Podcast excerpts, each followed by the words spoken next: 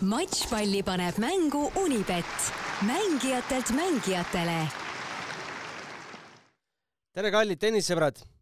aasta esimene Suure Slami turniir Austraalia Open on lõppenud ja on lõppenud eh, niiviisi, et Ashley Barty võitis eh, oma kodusel suur, suurturniiril esimese tiitli ja Rafael Nadal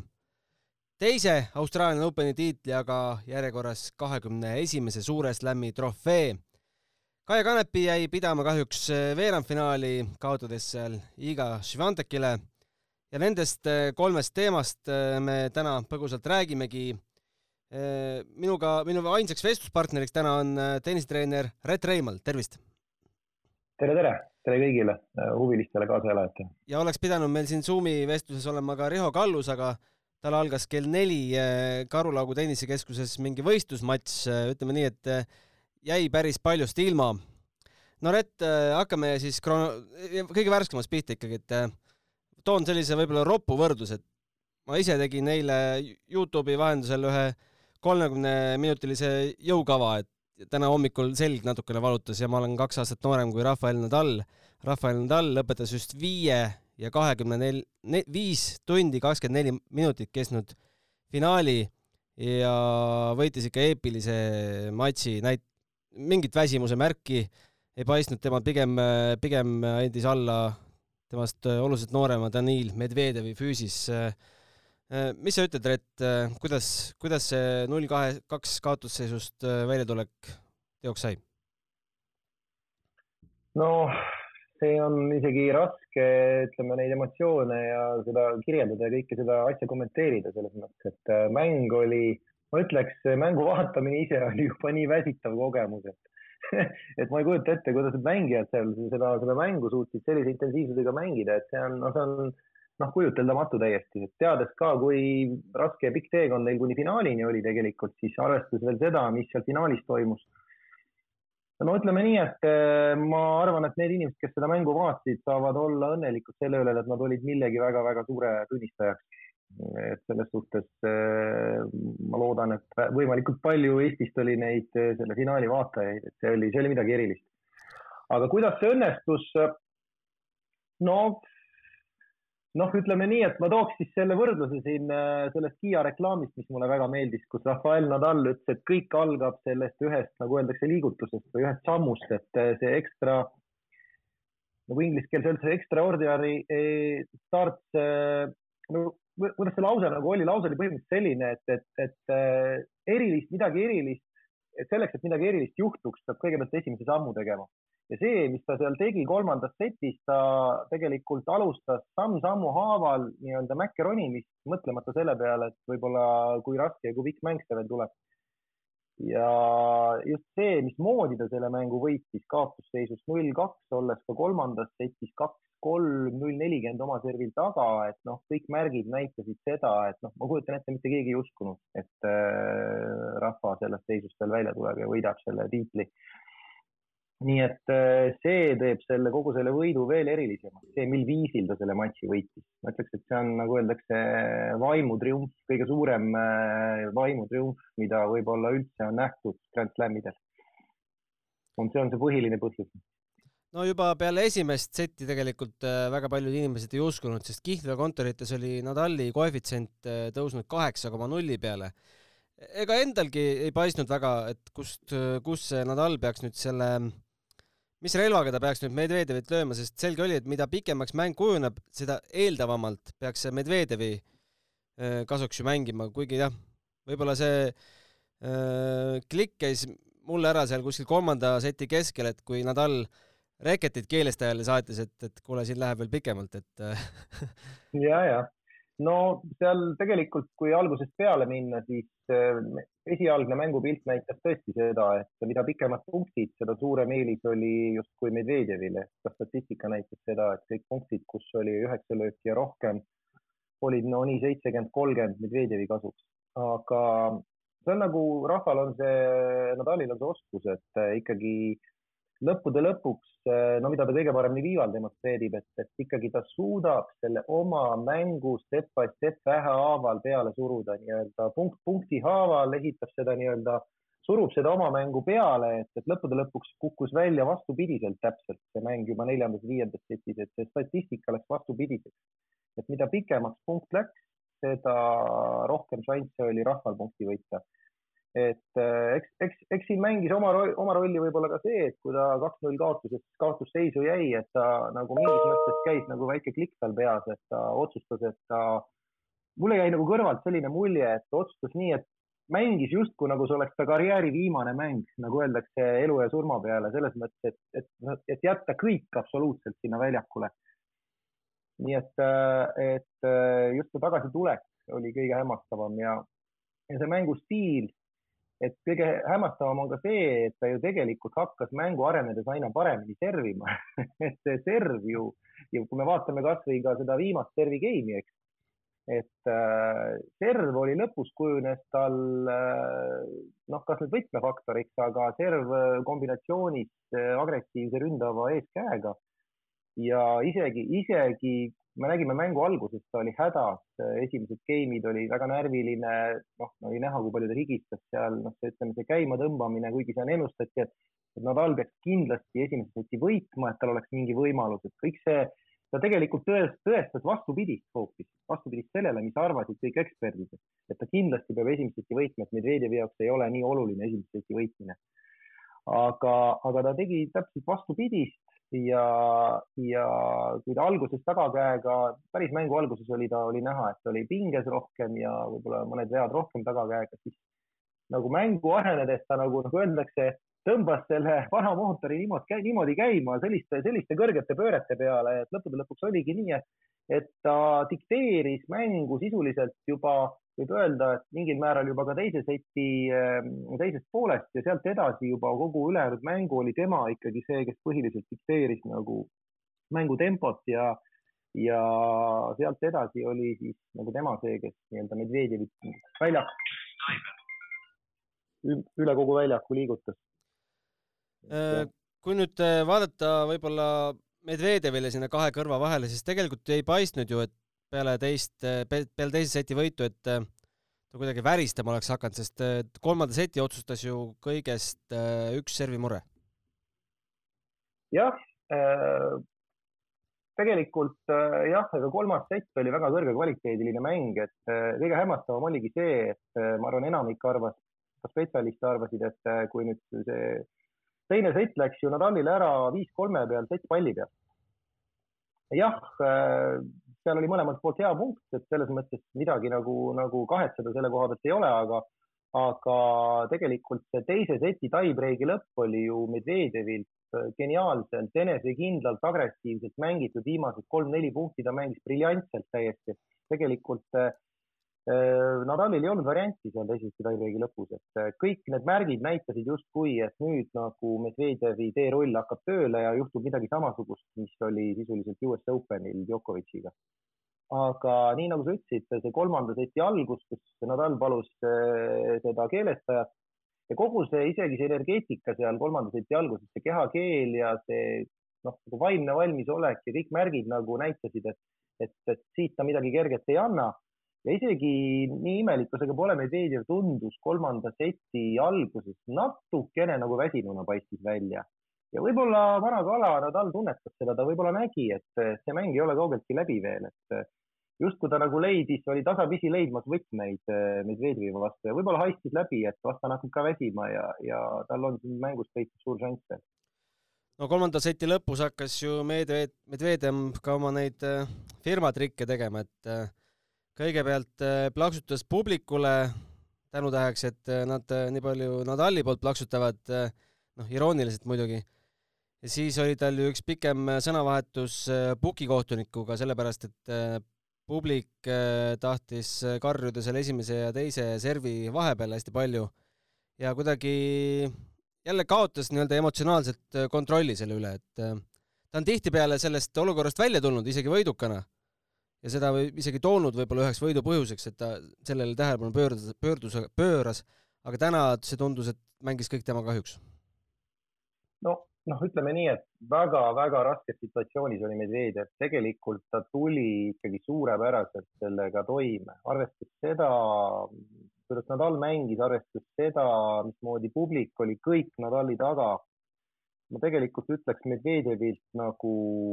noh, väga-väga-väga kõrge kvaliteediline esitus ka vaimsel tasandil, et äh, no sisuliselt äh,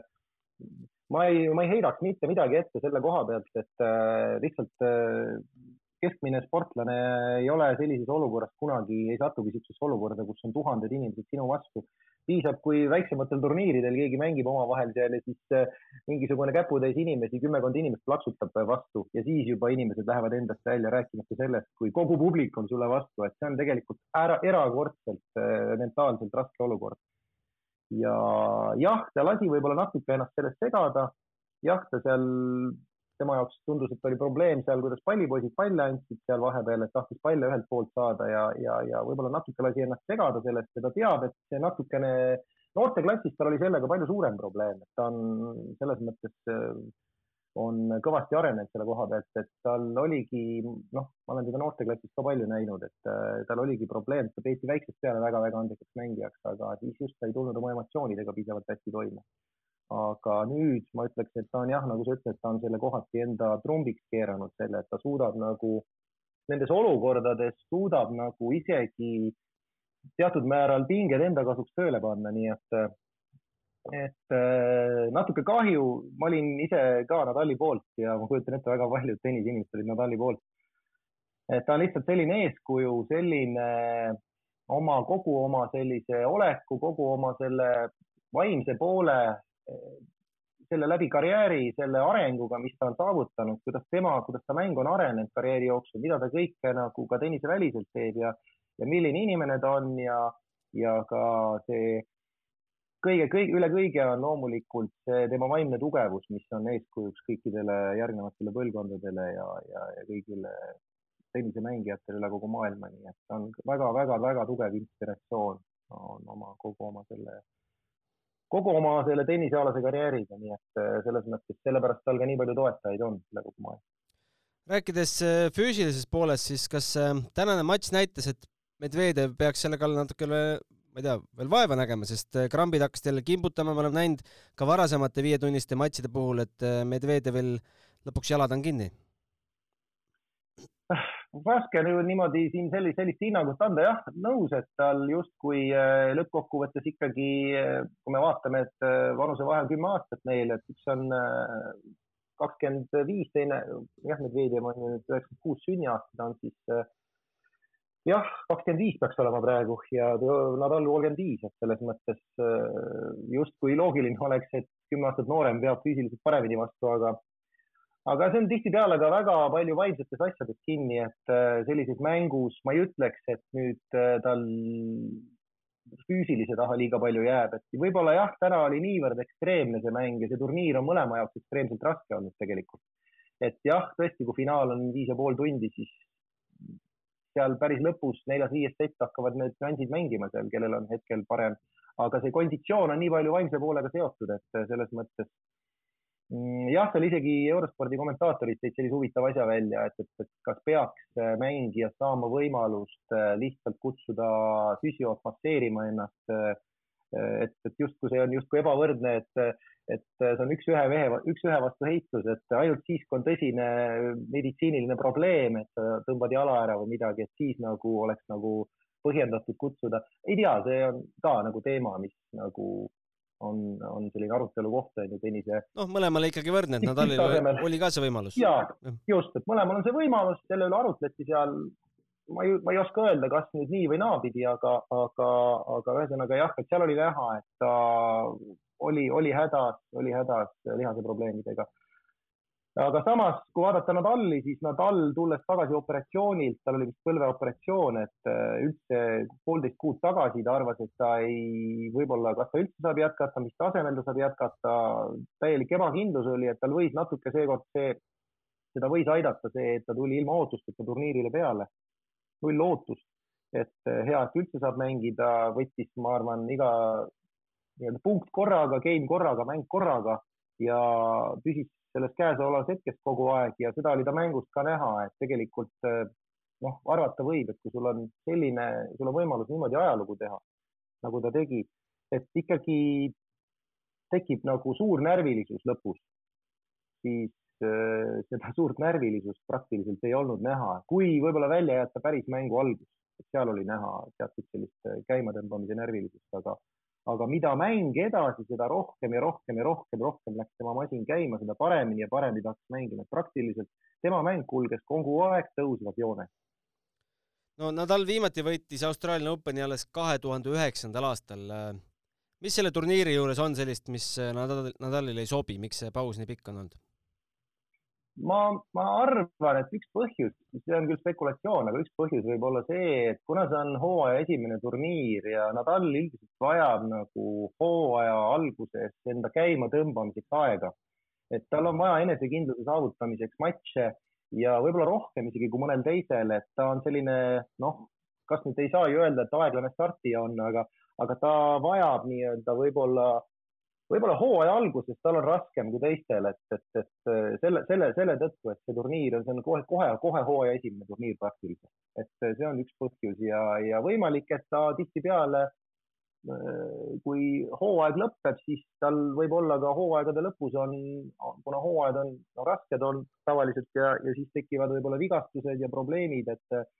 et ei saa iga uue hooaja alguses nii hästi käima ennast, kui, kui tahaks. et noh, see on, see on selline spekulatsioon. Nüüd on siis äh, seis, noh, lõpeta oma mõte. Äh, no mõte on võib-olla ka see, et ma, ma ei arva, et see seal mingisugune väga suur seos väljaku kattega on, et, et kui vaadata, et nagu kõik, ütleme US Open, jah, jah, nõus, et ütleme Wimbledon ja loomulikult ma ei räägi üldse French Openist, et French Open on selgelt mm, teada, tema lemmikkate on Liiv, aga ma ei arva jah, et see katte taga nii palju on. pigem on see, pigem on küsimus selles ajas, hooaja alguses. nüüd on siis seis selline, et äh kakskümmend üks, kakskümmend ja kakskümmend on äh, Slami arvestus. Äh, kuidas sul sisetunne on, kas me jääme siia pidama või, või nendel meestel on veel midagi varuks?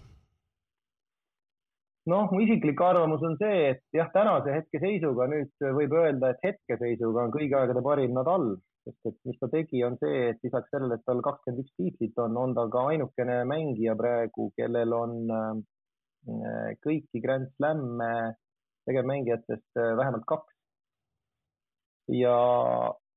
ja no me teame, kui raske Federer oli liiva peal võita, Federer on ühe korra liiva peal võitnud, nüüd sai Nadal teise äh, Austraalias, et tal põhimõtteliselt see rivaliteet jätkub Djokovic'iga tõenäoliselt, et seal see läbi ei ole. Ja arvestades seda, mismoodi Nadal praegu mängis äh,,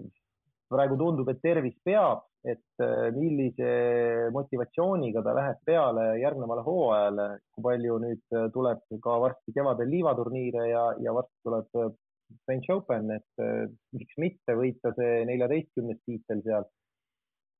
nii et Nadalil ei ole välistatud ka minna kahekümne teise tiitli peale. sealt edasi on raskem juba prognoosida, aga Novaki puhul me ei tea ju, kui palju ta peale saab nüüd järgmistele Grand Slamidele, et eh, ta on kindlasti peamine esikoha soosik ka järgmistel Grand Slamidel, lisaks võib-olla kõrvale paneme Medvedjevi raudselt ja, ja tulevad ka teised mängijad tagant, nii et, et noh, Federeri puhul on raske arvata, et ta enam Grand Slamidel väga kõrgesse konkurentsi sekkub, no, no raske uskuda, Wimbledon võiks ju olla see, aga ma sain aru ka, et ta vist sellel aastal Wimbledonil ei, Wimbledonil ei osalegi üldse on teatanud vist oma mitteosalemisest ja siis noh, siis nagu ei jää enam väga palju variante Federeril äh, sellele kahekümnele lisada. ma muretsen sellepärast, et kui äh, peaks jääma nüüd seis selline, et äh, Nadal edestab Djokovic'i, noh, ütleme, et nad mõlemad võidavad veel üht koma teist ühe tiitliga, et kuidas me ajaloos peaksime seda tänast võitu, mis tärniga me siin peaksime seda tähistama, et tavaliselt on äh, mehed puudu siis, kui nad on vigastatud, aga Djokovic oli puudu sellepärast, et noh, tal ei olnud süsti õlas, et äh, et äh, palju see jääb Nadali triumfi võib-olla varjutama või kummitama? no ma arvan, et see on võib-olla pigem nii, et ta hetkel kindlasti kummitab mingil määral pisut, pisut nagu ütleme, mitte küll teda ennast nii palju, ma arvan, aga ja noh, hetkeseisuga ikkagi ta võitis finaalis arvatavalt ikkagi maailma parimat mängijat, Danil Medvedjevi Medvedjev on viimase Grand Slami võitja, US Openi võitja, võitis finaalis Djokovic'i maailma, noh küll jah, ütleme teine reket, aga, aga, aga reaalselt hetkel maailma parim mängija minu arvates. ja selles mõttes nagu justkui kõik hästi, aga teistpidi muidugi nõus, et äh, seal väike tärnike justkui on selles mõttes hetkel juures, ma kujutan ette, muidugi tulevikus keegi seda ei küsi enam et kui vaadatakse annaalidest, loetakse, palju kellelgi slämme on ja, ja hiljem ütleme kümne, viie või kümne aasta pärast, ma arvan, võib-olla see ei ole enam faktor. ja noh, ma loodan väga, et ma loodan väga, et see hooaeg ei lähe nüüd niimoodi, et Djokovicil jääb veel mõni slämm selle pärast mängimata. et noh, väga kahju oleks, kui tal jääb sel aastal, ma ei tea, kaks või kolm slämmi puhtalt sellepärast mängimata, et ta on vaktsineerimata ja ta ei lasta peale või tegelikult sellest on, sellest on väga kahju siis sellisel juhul vaadates äh, seda tänast, äh, mis siin toimus Medvedjevi pilgu läbi, et ma ei julge selle fakti eest nüüd pead anda, aga ma lugesin kuskilt, et kas üle, üle pika aja pole keegi suutnud pärast oma esimest slam'i võitu kohe järgmist võita või pole seda suutnud mitte kunagi Mi. miks? jah, see vist, jah, see statistika vist äkki, kui ma ei eksi, on alates sellest nii-öelda open air ajast avatud äh, siis, äh, see on alates siis kuuekümnendate lõpust, eks kuuskümmend üheksa vist hakkas Open Air. sellest ajast alates justkui, kes esimese Grand Slami võidab, ei ole suutnud meestest vist kohe teist Grand Slami nii-öelda juurde võt-, ju, juurde võita kohe järgmise turniiriga, et jah, vist, vist pole seda juhtunud mm -hmm. jah. ja ei suutnud ka Medvedev, et äh, miks see, miks see nii on, miks sa arvad? eks seal on mitu põhjust, et niimoodi on raske konkreetset vastust anda, aga võib-olla üks põhjus on ka see, et kui sa tuled nii-öelda uue mehena peale, uue loa tegijana peale, siis on ikka teatud uudsuse faktor on sees, et, et sind ju ei tunta nii võib-olla, võib-olla Grand Slami mõistes, ma ei tea, samas muidugi ju Medvedjev on ju tuuri peal pikalt ju mänginud, et selles mõttes nagu seda faktorit võib-olla ei ole ka õige tuua, aga, aga, aga võib-olla ikkagi see siis võib-olla rohkem see, et kuidas selle pingega toime tulla, selle nii-öelda favoriidikoormaga, et kui sa oled just võitnud noorena, noh, suhteliselt noorena, Medvedev on küll juba suht kogenud mängija, aga, aga pigem see Grand Slami võitjana pealeminek, et selle koormaga toimetulek on tõenäoliselt nii raske. et kui me võtame kasvõi Naomi Osaka ju sai hakkama sellise trikiga minu teada vist, kas tema vist ei võitnud kahte Grand Slami järjest, no see on naiste poole pealt yeah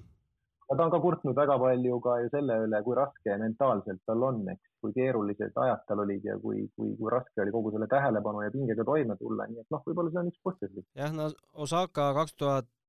kaheksateist US Open ja siis kohe Austraalia Open otsa, jah. Jah, et naistest on seda juhtunud jah, nüüd Osaka näide, aga, aga see ongi võib-olla selles mõttes hea näide, et kui, kui, mis, mis, mis probleemid tal pärast seda järgnesid, et tal oli ikkagi olid väga rasked ajad, nii et et ju see on, ju see kogu see tähelepanu ja see pinge, mis sellega kaasneb, on niivõrd suur ja võtame sellesama Raducanu näite. Raducanu võitis US Openi tohutu üllatuseks ja ka tema finaalivastane Fernandes pärast seda suurt edu nad ei ole nüüd väga suuri tulemusi saavutanud mitte, et nad kehvasti mängiks pärast seda, aga, aga ilmselgelt päris sellel tasemel pole nüüd jätkanud, et see võtab aega, et või toime tulla uudse olukorraga. no samamoodi meil on ju ka Aneti näide, kui raske tegelikult on peale väga-väga edukat hooaja lõppu, nagu ka Dmitri Tursunov ütles, et ei tasu arvata, et nüüd hakkab kõik nii hästi minema kohe, et see nii kerge on. lihtsalt see uudse olukorraga toimetulek on, on väga-väga keeruline suuremate ja väiksemate võistluste matšpalle vaata Unibet tv-s, kus sind ootab aastas ligimale sada tuhat tasuta otseülekannet. Unibet, mängijatelt mängijatele. räägime natukene ka eilsest finaalist. Ashley Barti võitis esimest korda Australian Openi ja kokku oma kolmanda slam'i tiitli. no ma pean tunnistama, seda finaali paari nähes, kuidas see välja, välja joonistus lõpuks see tabel, et ma olin natukene pettunud, minu jaoks oli see natukene igav vastasseis, ma ei näinud äh, mingi nurga alt, kuidas Daniel Collins võiks saada sellises vormis Ashley Bartist jagu ja minu jaoks oli see teise seti kiiresse lõppmängu minek juba iseenesest suur üllatus, lõpuks siis võidunumbrid kuus-kolm, seitse-kuus ja kiire lõppmäng seitse-kaks, et äh, mis, mis sina selle vastasseisu kohta ütled, oli, oli seal ainest äh, mänguks või mitte? Äh, no ja ma ise eeldasin ka enne finaali, et see tuleb, see mäng tuleb pigem kahes setis ja pigem suhteliselt kindlalt Spartile ja tegelikult see mäng läks selles suunas ka. kuigi noh, üleüldse, mis partit puudutab, siis see on täiesti, täiesti uus tase naiste tennises, et see, ta mängib ju tegelikult täielikult eba, noh, nii-öelda tavalist, ebatraditsioonilist tennist, noh, naiste tennises, ütleme, et see on nagu rohkem nagu siis nagu rohkem nagu meeste tennis, ütleme niisiis, et ähm, kõik see, mismoodi ta servib, mismoodi tema lööb kikkservi, mida enamus naisi ei suuda lüüa, mismoodi see pall põrkab seal servil, mismoodi ta kasutab lõigatud tagakätt, kui efektiivselt ta seda kasutab, mismoodi ta ehitab punkte üles läbi selle lõigatud löögi, mismoodi ta jookseb ümber eeskäe poolele, nii nagu enamik mehi mängivad ja, ja mismoodi ta topspin lööke kasutab ja slaisse vaheldab omavahel. kõik see variatiivsus, kõik see võrgumänguoskus oskus nagu mängu lugeda, reaalselt mängida seda mängu, mitte lihtsalt lööke teha, vaid see on lihtsalt uskumatu, et ta on lihtsalt oma mängulistelt oskustelt ja arusaamalt, tennise, tennisealaselt intelligentsilt lihtsalt teistest nii palju ees praegu. et lihtsalt see hea näide, mis seal teises setis toimus, et kui ta oli kuus-kolm esimese võitnud ja ta oli teises no näha oli, et tekkis sihuke ebakindluse hetk tal, ta ei saanud päris hästi eeskätt tunnetust kätte, tal oli no ikkagi ilmselgelt oli, ma arvan, teatud määral vaimselt tohutu surve peal, et kogu see ootus, et nelikümmend neli aastat polnud austraallane võitnud kodu Grand Slami, kõik teadsid, ootasid, rääkisid sellest, et tema võidab. ma arvan, see pinge oli nii tohutu lihtsalt, et kuskil mingi hetk pidi mingi väike tagasilöök tekkima ja noh, loogiline, et see tekib seal finaali teises setis on ju, kui sul juba, juba on nagu nii-öelda viimased astud teha, eks ja, ja siis toimus väike tagasilöök, aga see minu arust näitaski kõige selgemalt tema hetkelist üleolekut, kui ta oli viis-üks taha jäänud ja siis ta nagu kogus ennast uuesti. ühesõnaga nii-öelda tegi restardi, vabanes teatud määral pingest ja hakkas sedasama oma mängu jälle mängima, mille, mis on talle nagu, mis, mida ta on mänginud siin juba, juba mõnda aega siin selle, selle aasta alguses et siis oli näha, milline reserv tal sees on, et ta sealt üks-viis kaotusseisust tuli nagu väga kiiresti järgi tagasi, tuli mängu sisse uuesti ja, ja, ja põhimõtteliselt ikkagi vormistas selle mängu. ja, ja no see on uskumatu ju äh, näide, et hoida oma servi kuuskümmend kolm servi game'i järjest naiste tennises tähendab, no arvestades seda, et üldiselt naiste mängus naised tõrjuvad reeglina küllaltki hästi. jah, see on ebatraditsiooniline serv ja selle tõttu ongi raske murda seda servi ja kuuskümmend kolm servi game'i järjest oli vist, kui ma ei eksi, üheksa matši järjest eh, hoidis servi, alles veerandfinaalis Anissimo vastu kaotas ta ühe servi game'i ja siis kaotas veel finaalis järjest kaks servi game'i, kui ma ei eksi. nii et äh, noh, see, see räägib kõik nagu temast, pluss see, milline ta on oma milline on inimtüübilt, ta on selline noh, selline tagasihoidlik äh,. Äh, tal on oma tiim aastaid juba, ta on ta on selline, ta, ta on, ta on nagu öeldakse, ta on selline, talle meeldib öelda, et ma olen mina ise, ta on lihtne tüdruk, äh, intelligentne. Äh, ütleme nii, et äh, super, super, jällegi tennisesaadik, super tennisesaadik, naiste tennis no nendele juttudele, et ten-, naiste tennises ei ole praegu ühte kindlat valitsejat, võime vist kriipsu peale tõmmata? nüüd küll no,? praegu hetkeseisuga tundub küll jah, et hetkel ei ole välistatud, et parti võib minna sellel hooajal, kui ta tervis korras on, võib minna täitsa nelja slam'i peale, noh. tõenäoliselt Wimbledon on talle väga sobiv äh, tema mängustiilile. US Open samamoodi. miks mitte Liiv, jah, võib, võiks ju arvata, et Liiv sobib talle ka väga hästi, nii et noh, võib-olla, võib-olla Liiv on väike küsimärk äh, French Open mingil määral, mingil määral, see on ainukene turniir, aga väga reaalne on võita kõik neli Grand Slami kas me nägime kahekümne kaheksa aastase Daniel Collinsi karjääri tipphetke või näed sa, et tal oleks võimalus veel mõni slämm võtta? ma, ma arvan küll, et Collins on võimeline tulema uuesti, ta mängib, Collins mängib sellist äh, traditsioonilist äh,, suhteliselt sellist traditsioonilist naistetennist, et äh, võtab palli hästi vara, vastu tõusult, äh, mängib väga agressiivselt servitõrjel igal võimalusel üritab oma tempot peale suruda, mängib hästi kiiret, ründavat tagajoone tennist, selles mõttes äh, miks mitte, et ega nüüd selliseid mängijaid nagu Paarti ju, Paarti on üks ja ainukene ja ütleme, valdav osa ikkagi mängijaid mängib, noh, ütleme, valdav enamus mängib siis rohkem sellist tennist nagu Collins ja, ja ega, noh, ega Paartilgi on olnud tõuse ja mõõnasid, nii et äh, selles mõttes äh, Collins tõusis esimest korda esikümnesse ta pole varem esikümnes olnud.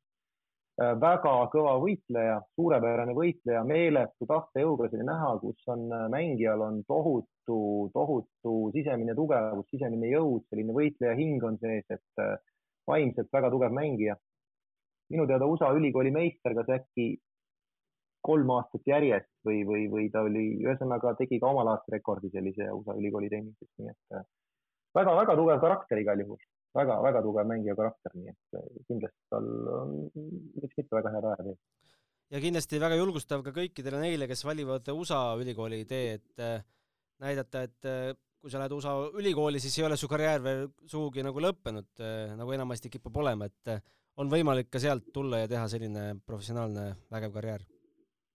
no meil Eestis ongi jah niimoodi, et see ülikooli teema on aktuaalne teema, et läbi aegade on ju väga paljud noortennisistid läinud äh, vanuses siis kaheksateist, üheksateist USA ülikooli ja kes valib siis selle profitennise karjääri ja kes valib siis äh, tee läbi USA ülikooli.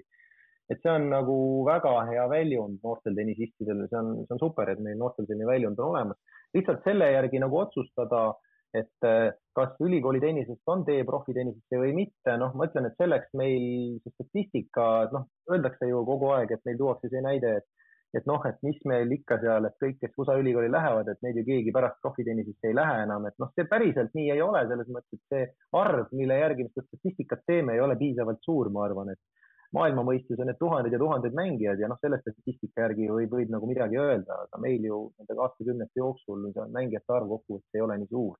et kindlasti on võimalik läbi ülikooli tennise minna profitennisesse. küll meil neid näiteid Eesti tennises hetkel ei ole. aga noh, ütleme, meil on üleüldse väga vähe mängijaid, kes eh, üleüldse on jõudnud sinna top sajasse, on ju, et selles suhtes seal me ei saa mingist statistikast nagu tegelikult rääkida. ja räägime lõpetuseks eh, Kaia Kanepist ka. meie viimases eh, matšpallisaates rääkisime siis Arina Sabalenka võitmisest, aga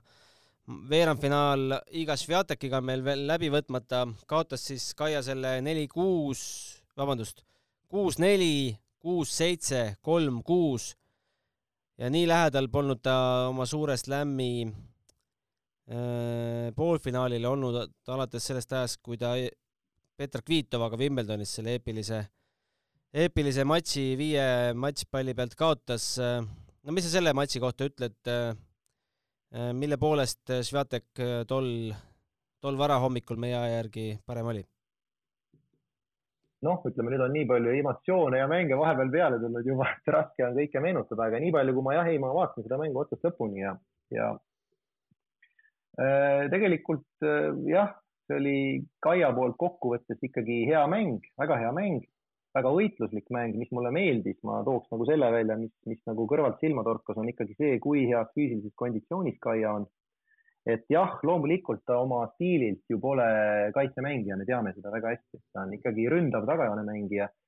ja tema stiil on ikkagi, tema mäng on, noh, ütleme tagajoonel oma tempo peale suruda vastasele, aga aga ta oli sunnitud, kuna Sviatek on, Sviatek on selline, nagu öeldakse, üleväljaku mängija, kes võib nagu põhimõtteliselt valdab kõiki elemente, ta võib kaitsta, rünnata, noh, võib-olla ainukene element, mis tal veidike kõikuv on, kohati on serv, aga väga osav mängija, mängib paarismängu väga hästi, väga hästi varieerib mängu, et Kaja jaoks tegelikult ebamugav vastane et Kaiale sobiks selline vastane, kes võib-olla ei ole, ei ole nii mitmekülgne, ei ole nii tugev kaitses, on ka lööja tüüpi rohkem ja võib-olla natuke ühekülgsem. ja selles suhtes oli ta Kaial ülesanne raske, mõlemad alustasid minu arvates kergelt närviliselt, Jatek võib-olla isegi närvilisemalt seda mängu ja vähehaaval nagu tõmbas ennast käima ja Kaial olid omad võimalused seal kindlasti selles mõttes, et et taktikaliselt võib-olla ma ütleks, et noh, tegelikult suhteliselt hea mäng, et Kaialt ka, ta suutis ikkagi teatud määral ka Seateki seda eeskõia poolt survestada ja seda oleks võinud isegi kohati rohkem teha. ja, ja kuskil jah, võis, võis olla ka noh, nii nagu Kaia ise ütles, et, et jah, see füüsiline pool hakkas mingit rolli mängima lõpus, et ikkagi, kui mäng läks ju üle kolme tunniseks ja, ja, ja see, mismoodi see otsustav sett seal kujunes, seal oma, oma osa oli loomulikult juba väsimusel väsimus oli jalgades, ei saanud nii hästi löögiasendeid kätte, et mängida võib-olla täpsemini ja, ja stabiilsemalt, et aga, aga jah, tundus, et natukene võib-olla jäi sellest usust puudu mingitel hetkedel, kus oli võib-olla vaja veel natukene ekstra käik sisse lükata ja, ja, ja, ja, ja tundub, et siis oleks võinud see mäng ära tulla. sest kumbki polnud omavahel mänginud ennem, mulle tundus, et Jaceki jaoks oli ka Kaia selline tundmatu vastane, ta oli ebakindel, tal, temas ei olnud sellist tavapärast kindlust, nagu mida me oleme siin mõnedel teistel, mõnedes teistes mängudes näinud, et ta oli suhteliselt ebalev, tegi topeltvigu, minu teada karjääri kõige kar,, ühesõnaga kõige rohkem topeltvigu ühes mängus karjääri jooksul tegi ta selles mängus, kas kaksteist või palju tal neid oli seal. et, et see oli koht, kus, see oli tegelikult see koht nagu, see oli nagu võetav mäng nagu, et mitte noh, öeldakse teinekord äh, mäng kandiku peal, päris nii ei saa öelda, aga see oli täiesti laual oli see mäng, võetav mäng. et natukene jäi puudu, väga vähe. Kaia on nüüd äh, seitse korda jäänud pidama veerandfinaalis. kahjuks seda statistikat ei ole väga, väga lihtne ilmselt üles leida, et kes, palju on üldse neid mängijaid, kes on jõudnud seitse korda äh, Slami veerandfinaali ja mitte kordagi kaugemale. ma arvan, et Kaia on seal esirinnas. no keegi rääkis Kanepi Slamist vist kuskil, ma lugesin selle kohta, et see Kanepi Slam on see, kui sa oled äh, igal Grand Slamil jõudnud asetamata mängijana vähemalt korra veerandfinaali ja ta vist, ma saan aru, kahel Slamil on jõudnud äh, qualifier'ina lausa veerandfinaali, mis on uskumatu saavutus selles mõttes, et see on ka väga raske saavutus ja ühel neljakümne üheksanda rankinguga ja nüüd siis äh, saja viieteistkümnendana vist, kui ma ei eksi, nii et ei, see on, see on saavutus omaette vaieldamatult, et äh, on, tehke järele, ma tahaks näha et ei tasu seda, seda saavutust tuleb väga kõrgelt hinnata ja täna me oleme ära hellitatud lihtsalt sellega, et meil on kaks nii kõrgel tasemel mängijat, üks on hetkel täitsa top kümne mängija ja teine on, et kui ühel ei õnnestu turniir, siis tuleb teine kohe ja teeb supertulemuse, et et äh, me elame unikaalsel ajastul praegu lihtsalt, et äh, see kümne aasta pärast võib pilt hoopis, hoopis teine olla. aga rääkides konkreetsemalt Kaiast, siis äh, mida see ikkagi näitab, kas Kaia mäng on natukene üksluine selle jaoks, et teha need otsustavad kolm viimast sammu või on ka sellise, sellise mänguga võimalik slam võita? Ma arvan, et on võimalik sellise mänguga slam võita, ma, mina usun sellesse kindlalt, et sellise mänguga nagu Kaia, noh, ütleme Kaial on olemas äh, mängus need elemendid, kõik need äh, nii-öelda arsenal, mida kasutada, on tal kõik olemas, et Grand Slam võita, minu hinnangul et pigem noh, see karjäär on tal kujunenud nii, nagu ta on kujunenud, erinevad äh,, igal tippmängijal on erinevad probleemid karjääri jooksul olnud ja erinevad äh,, nagu öeldakse, üles-alla liikumised ja, ja mingid asjad võib-olla on tema karjääri nii palju mõjutanud, et ta pole saanud ikkagi seda noh, ta pole seda täit enesekindlust oma mängus kunagi lõpuni suutnud saavutada, et ta nagu terve turniiri oleks suutnud kokku panna. ütleme, me ju teame, et ta üksikutes Grand Slami mängudes on ju superesitusi teinud, ta pole lihtsalt suutnud paraku seda sellist äh, enesekindlat, aktiivset oma mängu panna kokku terve turniiri jooksul kahjuks. ma mõtlen Grand Slami jooksul, ta on ju WTA turniire võitnud aga Grand Slami jooksul, noh, Grand Slam on Grand Slam ja, ja sellepärast, et Grand Slami võitjaid nii vähe ongi kokkuvõttes. et see on, nagu Kaia ütles väga õigesti seal ka pressikonverentsil, et, et tema jaoks nagu seal ei ole suurt vahet, kas see nüüd oli nüüd veerandfinaal või poolfinaal või isegi võib-olla finaal on ju, sest noh, finaalis, kes tahab finaalis kaotada, eks et, et, et, et seal on vahe, et kui ta jah, oleks võitja, et noh, see on teine teema on ju, et, et, et kas siis kas siis veerandfinaal või poolfinaal, finaal, et vahet pole, aga vot võit, see on hoopis teine level, hoopis teine tase. et see, minu arust, mul jäi ka see lause kõrva, et mulle tundub, et meie väärtustame seda poolfinaali jõudmist, seda verstaposti, mida me pole veel kätte saanud, võib-olla isegi rohkem kui Kaia ise. võib-olla, võib-olla, aga, aga teistpidi jällegi, eks see ongi step by step ju nagu alati, noh, ma kujutan ette, noh, jõuad poolfinaali, noh, siis võib-olla finaali, teinekord mõni võtab, võtab kohe esimesel katsel ära, nii nagu Raducanu võttis, on ju, aga see on kõik nii, noh, et ähm, seda teab Kaia ise loomulikult, et see on sellisel kõrgel tasemel, ma ütlen, meil Eestis ka ju tegelikult neid mängijaid on niivõrd vähe ja, ja, ja, ja kui me räägime kasvõi neid spetsialiste või treenereid, kes üldse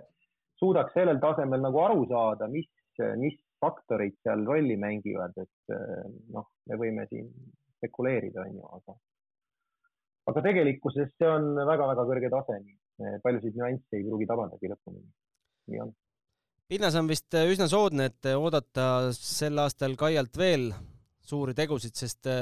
mäletad sa viimati mõnda sellist nii pikaks läinud turniiri, kus Kaial pole küljes mitte ühtegi teipi, välja arvatud ma ei tea, neljas sõrm ühel käel?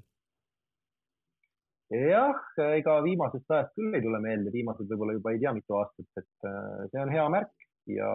Kaia käest ju ka vist küsiti ja Kaia, mis noh, rääkis, mis puudutab tema karjääri jätkamist, siis ju ta andis ikkagi selgesõnaliselt ju teada, et aga miks mitte jätkata, kui selline turniir ju andis talle lõpuks enesekindlust juurde kõvasti, nii et ta on ju võimel, võimeline nii kõrgel tasemel mängima.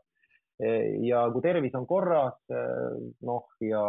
me teame, tennises makstakse häid rahasid ka ja, aga miks mitte ja kui meeldib ja motivatsioon on üleval andku tuld nii kaua, kuni tervist on, absoluutselt, et äh, see on, see on ju super, meid kõiki rõõmustada siin selliste tulemustega veel, kes teab, võib-olla hooaeg kaks veel, on ju. ükskõik siis, mis, mis iganes turniiridel, WTA turniiridel, Grand Slamidel. Äh, et äh, mida kauem Kaia ja Anett jätkavad selles asemel, seda suurem rõõm kõikidele kaasaelajatele, et see on, see on puhas nauding. aga selline oli siis Australian Open kaks tuhat kakskümmend kaks järgmise, järgmise Slami turniirini on natukene aega nüüd. Äh, French Open algab alles äh, kahekümne teisel mail, aga vahepeal on kindlasti erinevaid väiksemaid turniire, mida jälgida, jälgida kindlasti ka teiste Eesti mängijate äh, käekäiku. Need Helena Malõgina pääses alles poolfinaali Inglismaal ITF-i turniiril ja kindlasti põnev vaadata, mida teeb Mark Lajal, kuhu, kuhu tema mängima läheb ja kaugel ta jõuab aitäh, Rett, et äh, meiega selle põneva seikluse kaasa tegid ja, ja järgmise korrani. suured tänud ja tänud kutsumast. aitäh, aitäh ka kuulajatele ja kõike head. matšpalli pani mängu Unibet, mängijatelt mängijatele